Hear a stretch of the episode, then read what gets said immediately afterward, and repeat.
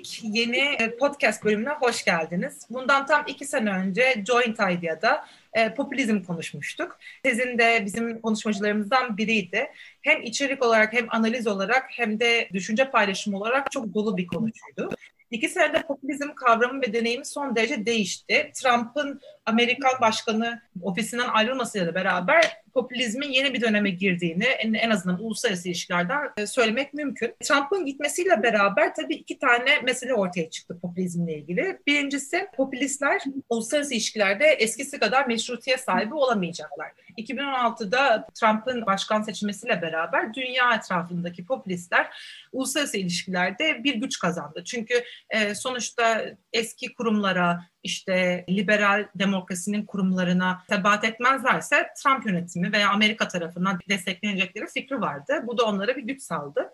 İkinci olarak da son yıllarda tabii popülist liderlerin yenilmezliğine dair bir korku ve bir görüş vardı. Trump'ın yenilmesiyle beraber e, bu görüşün de sarsıldığını söylemek mümkün. Ama şunu da eklemek mümkün tabii ki de Trump sonuçta %3.4 lük bir oy oranıyla başkan seçildi. Amerika'da hala 72 milyon insan Trump'a oy veriyor. Biden'da aldığı oy sayısı 76 milyon. Şimdi sizin popülizm konusunda e, hem araştırma hem de akademik dirsek çürütme babında en deneyimli e, siyaset bilimcilerden biri. Ben de ona bugün üç tane soru sormak istiyorum. Bir tanesi 2022 çok önemli bir sene popülistler için. Çünkü dünyanın üç bir yanında sandığa gidecekler. E, Brezilya'da Bolsonaro sandığa gidiyor, sandıkta yarışacak. Fransa'da daha köklü bir sağ partinin içerisinden çıkan Le Pen sandıkta yarışacak ve son olarak da aslında Sezin'in de uzmanlık alanı olan Macaristan'da Viktor Orban tekrardan seçime gidiyor. Viktor Orban karşısında çok güçlü bir koalisyon oldu. Onun dışındaki bütün politikacılar Viktor Orban'ı yenebilmek için aynı takımda olmaya karar verdiler. Sizine sormak istiyorum ilk soru olarak. Brezilya ve Fransa ile ilgili 2022 ile ilgili ne söyleyebiliriz ve sence Trump sonrası popülizm yeni bir evreye, yeni bir döneme girdi mi? Şimdi böyle bir beklenti olduğu kesin. Trump sonrası popülist liderlerin adeta bir domino dizisi gibi e, birbiri ardına devrileceği bekleniyor. Şimdi Biden'ın göreve gelmesi, seçilmesinin ötesinde o koltuğa oturabilmesi bile ki yani Amerikan tarihinde böyle bir tartışma olmamış. Oraya oturup da işbaşı yapması bile bize çok sürreal, ay nasıl oldu, bu mümkün, nasıl olabildi gibi son dakikaya kadar inanamadığımız yemin törenine ve yemin töreninde dahi çok büyük olaylar, bir son dakika golü beklediğimiz bir tuhaf duruma dönüştü. E, şimdi Biden e, şimdiden daha yeni birçok da şey yaptı aslında icraat yapmadı değil. E, bir kere Paris İklim Anlaşması'na dönmesi başlı başına dünya için çok önemli bir şey. Ama onun ötesinde de yani Amerika için de çok önemli bir dizi hemen aksiyona girişti. Hemen bu pandemiden nasıl çıkacağız? İşte Trump hiçbir koronavirüs planı bırakmamış e, biz bunu nasıl aşacağız e, diye çok da üstelik de e, enteresan bir şey plan da ortaya koydu e, hırslı bir şekilde. Şimdi burada e, şimdiden %63 desteğe de sahip olduğunu görüyoruz ki Trump'ın bu e, bütün e, yönetimi boyunca asla erişemediği en güçlü zamanda bile bir e, destek oranı, görev e, onay oranı. E, bu açıdan işler e, Biden için bir yandan çok iyi. Fakat Biden bir e, dönüm noktası olabilir mi? Ve dünyada bizim işte bu son 10 yıldır fazlasıyla tartıştığımız popülizm meselesini kademe kademe tabii ki e, yani bu popülizmin hepimizin artık evine giren bir kelime olması e, süreci e, daha da önce başladı aslında. 2010'larda zaten çok da konuşulmuyordu bu iş hala. E, ancak kısıtlı çevrelerde vesaire. Fakat e, artık hepimiz e, kelimeyi popülizm diye ezberledik. Lügatlarımıza girdi. Bir önce tekrar onun bir tanımına dönmek dönmek istiyorum. Biz işte e, Emre Erdoğan'la beraber konuşup programını yaptığımız zaman beraber sizlerle orada da bahsetmiştim. Şimdi bu tanımı ben tekrarlamayı hala işte Cass Moody'nin e, tanımını kullanıyorum ben e, Georgia Üniversitesi'nden. Ve aşırı sağ üzerinde çalışmış da bir akademisyen olduğu için o tanımın özellikle üzerinde duruyorum. Çünkü aşırı sağ meselesi de hala belki çok daha fazla gündemimizde olması gerekiyor.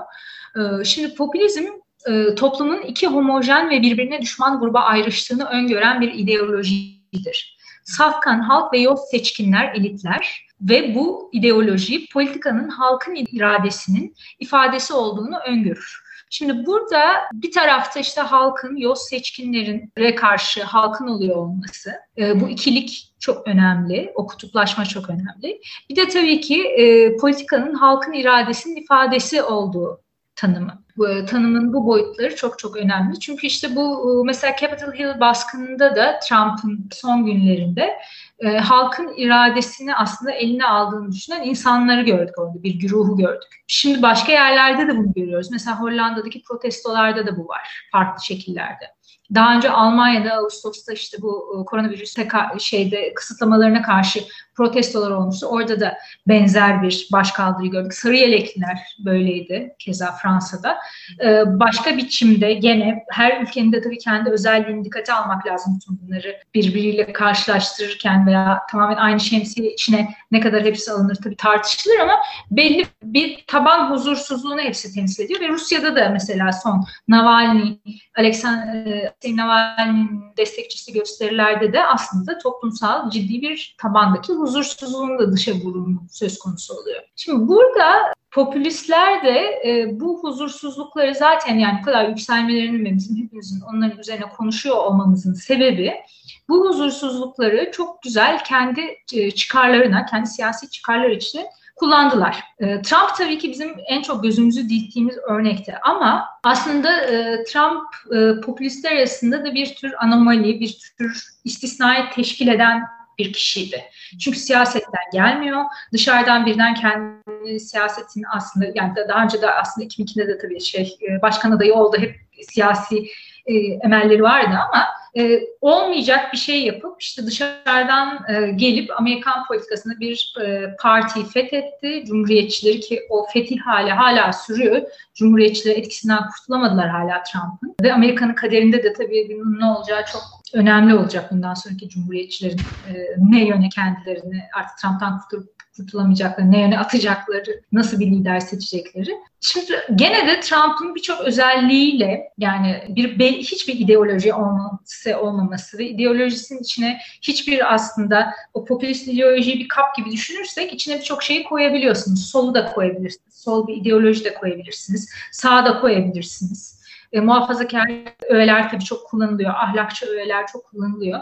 Ama bunu bir ideoloji haline getiriyorlar popülistler, gerçek popülistler diyelim. Trump bu anlamda gerçekten bir tür istisnaydı. Onun gidişi bu açıdan popülistlerin e, silinmesi manasına gelmiyor. Çünkü hızlı öğreniyor yani.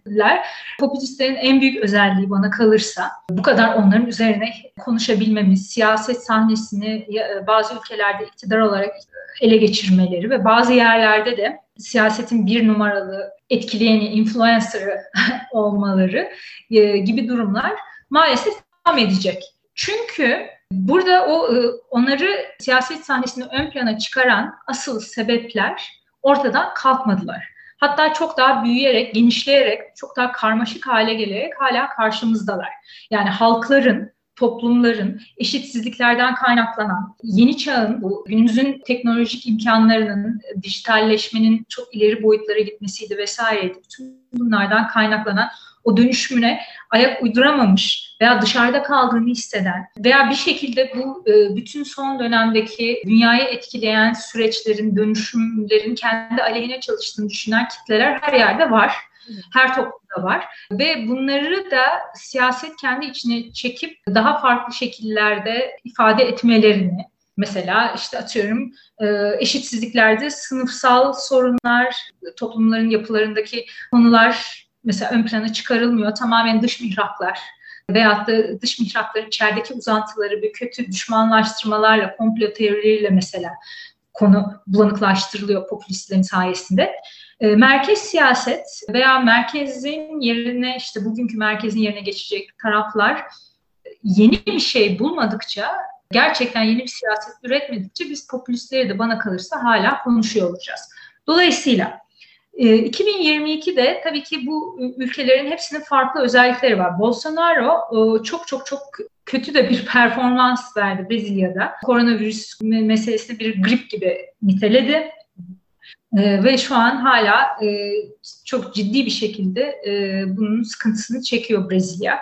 Fakat Bolsonaro orada bir sistemin müzakerecisi gibi yani bir devlet başkanı ülkenin lideri ama sanki aynı zamanda ezilen, dışlanan, iktidarda olamayan bir kişi e, görüntüsünde vermeye çalışıyor. Ve bunu da başarıyor ilginç bir şekilde. E, yani hep işte bir takım mihraklar onu da zayıf düşürüyor veyahut da ona engel oluyor veyahut da vesaire onun asıl yapacaklarını ülkeye çizdiği o büyük vizyonu engelliyorlar gibi bir tahayyülü var.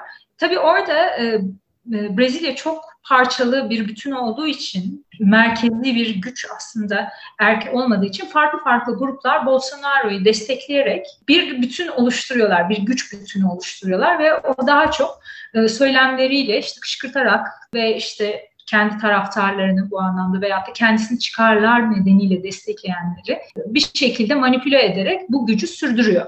Bolsonaro'nun bu denklemde tabii ki bu üç ülkeden bahsettiğimiz 2022'de seçimleri olacak ülkelerden aslında en belki geleceği soru işareti olanı. Yani önümüzdeki yıllarda Bolsonaro'nun yerine başka bir tarafın geliyor olması aslında muhalefetin Brezilya'da toparlanması, farklı isimler çıkarabilmesine bağlı ve daha Brezilya ne kadar zarar görecek bilemiyoruz. Ona da çok bağlı. Daha dibine kadar görecek. Fransa tabii ki yıllardır zaten bu Marine Le Pen konusu hep gündemde. Marine Le Pen olmasa acaba Fransa'da karşı taraf nasıl birleşecek, nasıl bir cumhurbaşkanı çıkaracak ben de merak ediyorum. Çünkü o her zaman son dakikada o gelmesin de diye bir adayda birleşmesinin sebebi o adeta oldu. Marine Le Pen tabii ki eğer iktidara gelirse bu Avrupa için bütün şimdiye kadar yakın zamanda konuştuğumuz Brexit'ten tutun işte bütün bu üye olup da ülke e, birlik içinde Avrupa Birliği'ni sarsan ülke Polonya, Macaristan gibi onlara kadar yani ne konu varsa onların çok ötesinde bir aslında tabii ki dönüşüm olur eğer Marine Le Pen gelirse. Fransa bu tuzağa düşerse. Ee, ama 2021'de zaten yerel seçimler de e, Fransa'da var ve orada da işte takım şeyleri göreceğiz. Bakalım neler oluyor, neler bitiyor vesaire. 2022 ama hakikaten de bir dönüm noktası Fransa için. Yani Macron da klasik zaten Fransa'da cumhurbaşkanlarına de, iktidardaki liderlere destek düşüktür. Ama Macron'un da çok dalgalı gittiğini ve Avrupa için çok büyük e, planları olduğunu, bunlardan dolayı da e, aslında çok e, hırslı bir lider tabii ki yani. O hırsla yetişebilecek mi kendi politikaları? Hı hı. Şimdi önümüzde başka şeyler de var. Çünkü Merkel malum Angela Merkel Almanya'da şansölyelikten sadece değil tamamen politikadan çekiliyor ve onun yarattığı çok çok çok büyük bir boşluk olacak bu e, Eylül-Ekim'den itibaren Almanya'da. Onunla beraber işte Macron'un bütün bu hırsları daha da ortaya çıkacak muhakkak ki performansı Avrupa'nın gel sadece kendi ülkesinin değil aslında Avrupa'nın da geleceğini belirleyen bir etken olacak bence. Bu ülkelerden Macaristan'ın önemi bana kalırsa normalde biz Macaristan'ı hiç konuşuyor olmamalıyız ve bu ülkelerde en az önemli olanı hakikaten Macaristan olmalı. Fakat belki de en önemlisi Macaristan. Bunun sebebi de orada yeni bir formülün ortaya çıkıyor olması, bütün muhalefetin popülist lidere karşı birleşmesi. Ya yüzde 50 küsür hala destek alabiliyor Orban. İşte bu kimi zaman 50'ye düşüyor, 49'a düşüyor vesaire. İşte bu 40'ların biraz altına düşmeye başladığı zaman muhalefetin yüzde 51 oluyor olması bile çok işte o, o noktaya birleşerek tabii ki Yoksa muhalefeti tek başına aldığımızda Macaristan'da en fazla yüzde 15'lik 14'lük, 12'lik partilerden bahsediyoruz. Yani ortada bir yüzde 20 gibi bir şey yok mesela.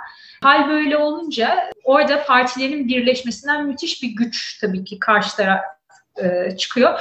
Aslında bu başta verdiğim tanımını da bozuyor. Seçkin halk, asıl seçkin olan halk, safkan, temiz halk, yoz elitlere karşı Şimdi bu denklemde her zaman halkın bir çoğunluk olduğunun bir kere illüzyonu var. Bir e, sanki halk çoğunlukmuş gibi bir düşünce var. E, burada şey olunca e, o işte iktidarın çoğunluğu denklemi bozulunca büyüsü kaçıyor işte.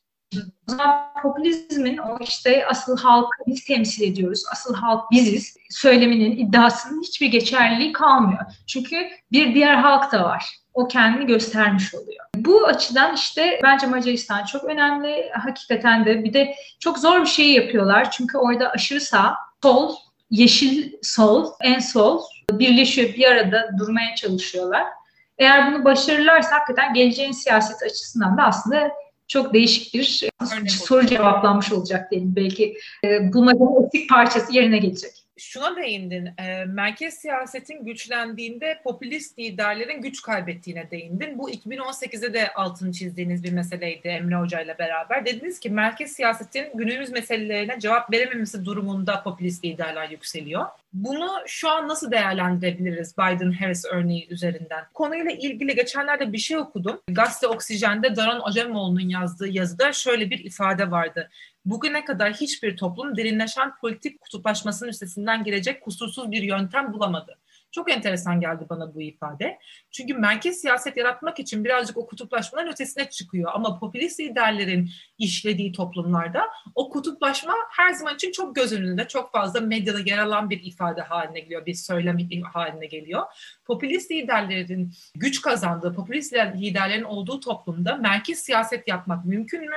Merkezi tanımlamak ve oradan ilerlemek mümkün mü? Bunun hakkında ne söyleyebiliriz? Tabii burada bu noktada iktidardaki popülizm çok şey değiştiriyor. Yani Daran Acemoğlu'nun da tabii Amerika'dan e, bakınca bir anda işte e, iki büyük parti işte Cumhuriyetçiler ve Demokratlar e, inanılmaz bir kutuplaşma içinde. Yani bu sadece popülizmin getirdiği bir şey de değil. Zaten bu vardı.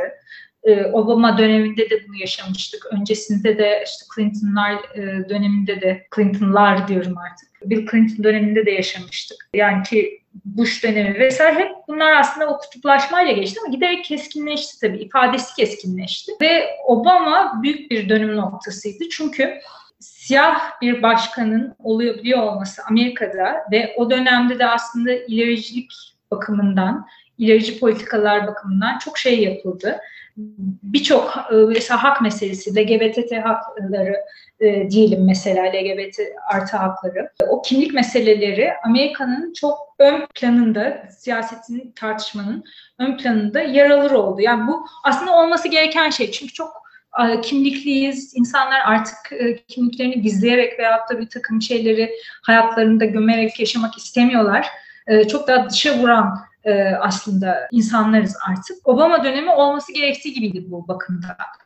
Ama şimdi popülistler ekonomik bütün mutsuzlukları, o eşitsizliklerden gelen veya elimdeki gidiyor ve elimdekini kaybediyorum duygusunu yaşayan toplulukların ümitsizliklerini, mutsuzluklarını kullanarak ve bu kimlik meselesini de onun bir e, aracı yaparak, e, bir adeta silahı yaparak kendilerine müthiş bir alan açtılar işte siyasette ve şimdi bütün e, Cumhuriyetçi Parti'nin mesela Amerika'da onların tarafında, onların ideoloji tarafında klasik bir muhafazakar ideolojiden bahsetmiyorum burada işte. Asla uzlaşamayacağımız, el sıkışamayacağımız, beraber iş yapamayacağımız bir öteki taraf var derin inancıyla bölünülen bir kutuplaşılan noktaya geldi. Yani gerçekten Amerika'nın burada e, bu işte capital baskını zaten bunun gözümüzün önünde canlandırılması gibiydi. Yani o demokrasinin Amerika'nın seçilmişlerinin ki hep şimdiye kadar Amerikan demokrasinin ne kadar muhteşem olduğunu ya da bir şekilde hep kendini kurtardığını, hep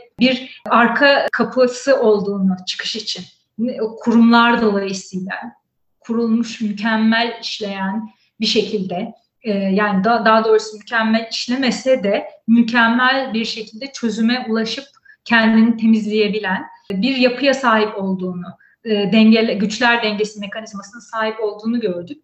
E, belki evet güçler e, dengesi mekanizması hala orada ama yani Capital'ın e, orada temsilciler meclisi ve kongrenin olduğu işte senatonun olduğu e, daha doğrusu kongrenin olduğu yerin işgal ediliyor olması ve halkın iradesini temsil ettiğini düşünenler tarafından ki Trump o yüzden onlara sahip çıktı. İşte halkın iradesini temsil ediyorlar gibi. Sonradan çok büyük bir tepkiyle karşılaşınca geri adım atmak zorunda kaldı. Ama ilk başta işte e, ön plana sürdüğü buydu. Şimdi e, orada Amerika'da cumhuriyetçiler de kendilerine çok ciddi bir el uzatılıyor aslında Biden tarafından. Biden zaten Obama geleneğini de sürdürerek o bipartisanship yani işte çift taraflı olmak yani daha doğrusu farklı tarafların politikada gelip Amerika için o iki tarafın e, bir araya gelip ortak çözüm üretebilmesi, ortaklaşabilmesi ne dayalı. Bütün dediğim gibi Obama zaten buna kurmuştu siyasetini. Şimdi Biden da aynı noktayla başladı. Fakat gerçekten de karşınızda sıkılı bir yumruk varsa el sıkışamıyorsunuz. Daha Biden ilk günlerinde de bunu gördük zaten. Biden her ne yapsa bir e, ters şekilde karşılık buldu. Ki e, bütün semboller bu aslında ortaklaşılabileceği iddiası üzerine kurulmuştu.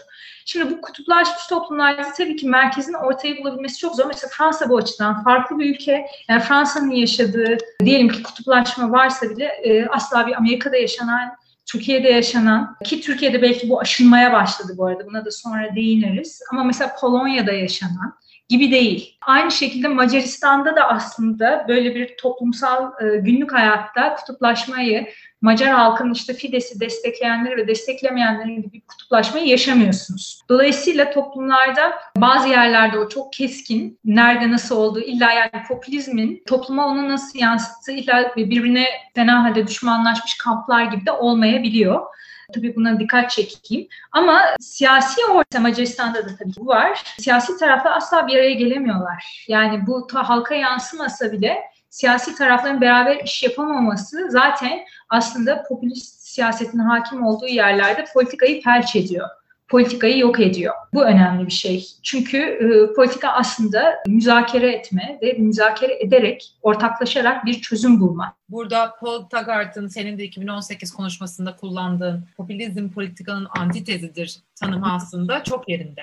Evet, tabii ki çok yer, e, gerçekten Paul Taggart'ın bu tanımını hala bence çok geçerliliğini koruyor. Politikanın antitezi. Çünkü kendi sorunlarını bir kere yaratıyor popülizm sürekli olarak. Yani olmayan sorunlar üzerinden mesela işte diyelim ki hakikaten bir göç sorunu varsa Amerika'nın ki göç toplumu aslında göçün bir sorun olarak e, tanımlanması gereken belki tarihi bakımından en son yer. Herkes göçmen zaten neredeyse.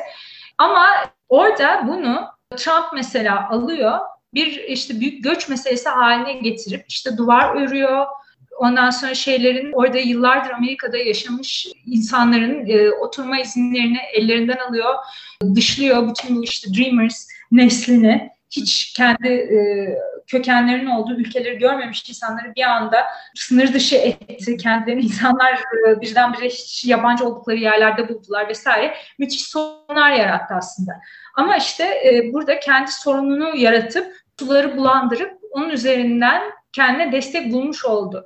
Hı. İnsanlardaki o işte korku psikolojisini veyahut da benim elimdeki gidiyor psikolojisini sömürerek. Aynen öyle ve e, Trump bu süreçte aynı zamanda e, Polonya'da da popülizmin yükselmesine çok neden oldu. Çünkü Polonya'da popülist lider başa geldiğinde Avrupalılar birkaç tane yaptırım uygulamayı düşündüler Polonya'ya. Hem göçmenlere olan yaklaşımları hem de iç politikalarıyla ilgili durumlar yüzünden.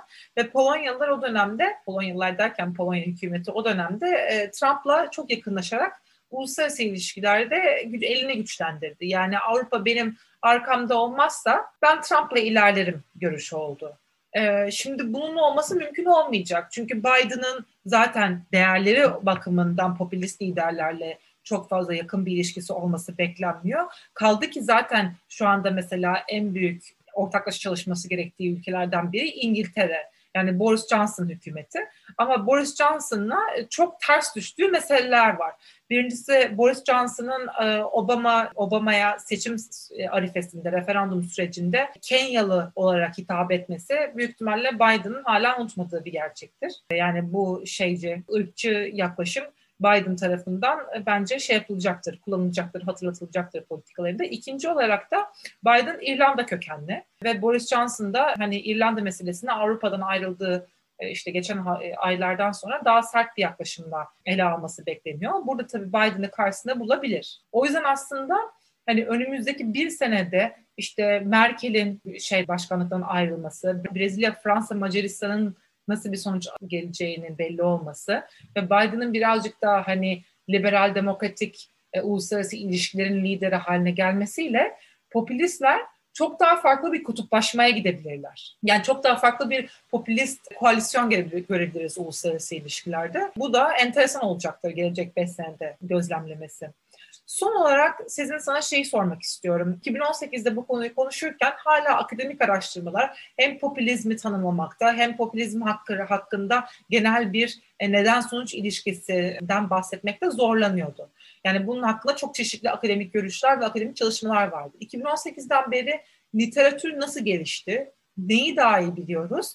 Ve neyi e, hakkında hala emin değiliz. Bir kere öncelikle e, evet çok şey üretildi. Her şey neredeyse popülizme bağlandı bu süreçte. Bütün yazılarda vesaire. Şimdi akademik dünyada şöyle bir şey olduğunu unutmamak lazım. Çok da özgür değilsiniz. Hiçbir yerde araştırmanızın ne konuda olacağı vesaire konusunda şu bakımdan e, fonlama konusu var. Yani size bir takım işte maddi imkanları üniversitelerin veya araştırma işte e, desteği yapanların sunması lazım ki siz e, istediğiniz araştırmayı yapın ama biraz da tabii onların istediği araştırma oluyor ister istemez. Şimdi bu durum e, yani kafama esti ben bu güzel konuyu yapmak istiyorum. Bence çok önemli dediğinizde önce bunu aşmanız gerekiyor. Popülizm çok destek buldu ve herkes popülizmle de ilgili bir şeyler yapmak istedi neredeyse. Bir şekilde ilintilendirdi. E, fakat ben hala mesela halka hitap eden söylemlerin ya da işte halka hitap ettiği düşünülen, halkın e, galeyana getirmeye çalışan söylemlerin hepsinin popülizm gibi hatırlandığını düşünüyorum. Burada şimdiki e, hikayemiz e, şu, yani bu e, mesele aslında e, popülizmin e, hala çok az anlaşıldığını gösteriyor. Çok fazla araştırma var elimizde ama çok da fazla bir e, sonuç elde etmiş değiliz. Ne olduğunu çok tanımlamaya çalıştık. Fakat buradan nereye gidebiliriz onu e, veyahut da toplumlarla ilgili bize ne anlatıyorlar çok da e, bilemedik yani bir şey öğrenemedik. Burada asıl mesele yavaş yavaş aşırı sağ olmaya başlıyor. Mesela bu capital e, baskınını yapanlar özellikle aşırı sağcılardı. Onu unutmamak lazım. Onların merkezleşmesi çok önemli bir şey. Yani aşırı sağın aslında e, popülizm kanalıyla popülizmi bir köprü olarak kullanarak e, merkez siyaseti e, esir alması, merkez siyaseti e, tamamen kendi etkisi altına alması söz konusu oluyordu. E, meselemiz de e, asıl bu bence. Bunun da çok daha fazla araştırılıyor olması lazım. Çok teşekkür ederim Sezin. Ben çok teşekkür ederim. Çok evet. çok teşekkür ederim. Umarım bu konuyu daha uzun seneler araştırırsın ve tekrar tekrar ele alırız. Seni dinlemek her zaman çok güzel. Çok çok teşekkürler.